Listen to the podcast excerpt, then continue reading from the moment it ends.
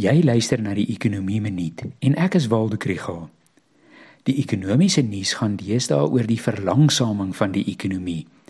Hoë insetkoste en hoë rentekoerse eis hulle tol en oral is daar tekens dat verbruikers hulle besteding terugsny en besighede probeer watertrap. Hierdie week se belangrike aanwysers is Absa en die Buro vir Ekonomiese Onderzoek se aankope bestuurdersindeks en Naamsa se voertuigverkope data vir Julie maand. Die aankope bestuurdersindeks is belangrike leidende aanwysers omdat 'n maatskappy se aankope bestuurder nogals vooruit moet dink.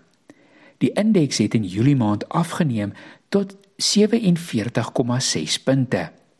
Beerdkrag en die stadiger groei van die internasionale ekonomie het 'n rol gespeel om aankope bestuurders bekommerd te maak oor sake vooruitsigte.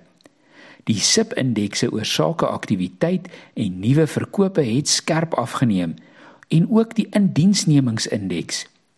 Die aankopeprysindeks is steeds hoog, maar wys dat stygings in koste nou kleiner word. Naamsa se voertuigverkope data vir Julie maand moet baie versigtig gelees word. In totaal was daar 'n toename in die aantal voertuie wat verkoop is vanaf 41019 voertuie in Junie tot 43593 voertuie in Julie. Wanneer jy egter 'n jaar op jaar vergelyking maak met Julie 2021, kan jy skaars jou oë glo of jou ore. Binnelandse verkope was 30% hoër en uitvoer 177% hoër. Maar dan moet mense onthou dat Julie 2021 het 8 dae van chaos en geweld gehad, saam met 'n kuberaanval op die Durban hawe.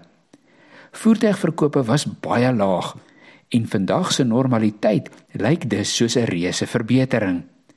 Maar daar's ook goeie nuus in die bedryf. Ongeveer 10% van hierdie Julie se verkope was aan voertuigverhuuringsmaatskappye wat weer iets positiefs sê oor die toerismebedryf en Toyota se aanleg in Durban is weer aan die gang en behoort in September vol stoom te werk.